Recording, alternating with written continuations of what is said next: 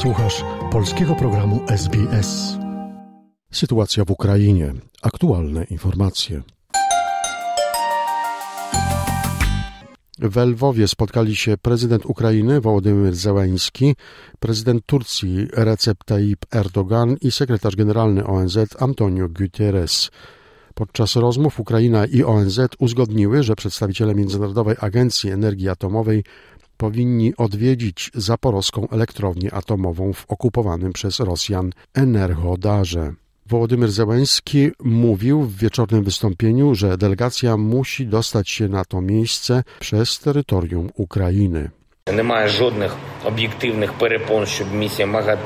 Nie ma obiektywnych przeszkód dla dotarcia misji do elektrowni jądrowej Zaporoże.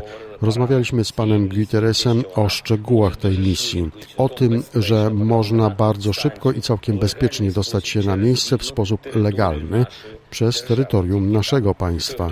I tylko w ten sposób. Ten, kto zorganizował szantaż nuklearny, zdecydowanie nie może organizować przejazdu takiej misji.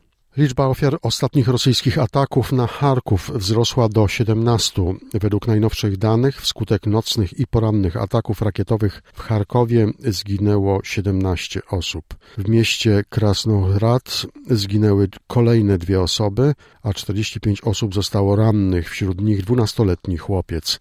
Szef Głównego Wydziału Policji Państwowej w obwodzie charkowskim Wołodymyr Tymoszenko powiedział, że rodzice dziecka zginęli. Dwa zagibłych серед поранених дитина також 2009 року. 12 Jest dwóch zabitych, wśród rannych było też dziecko z 2009 roku, 12 lat. W chwili wybuchu było w pokoju obok rodziców. Jego rodzice zginęli. Dziecko zostało wyrzucone na podwórko przez falę uderzeniową, więc pozostało przy życiu, ale jest ranne. Wczoraj rosyjska rakieta trafiła w trzypiętrowy budynek mieszkalny w dzielnicy Saltivka w Charkowie. Zginęło 7 osób, 16 zostało rannych, w tym 11-letnie dziecko. Materiał opracowano na podstawie doniesień Newsroomu SBS oraz informacyjnej agencji radiowej. Polub nas na Facebooku, udostępnij innym, skomentuj, bądź z nami na polskim Facebooku SBS.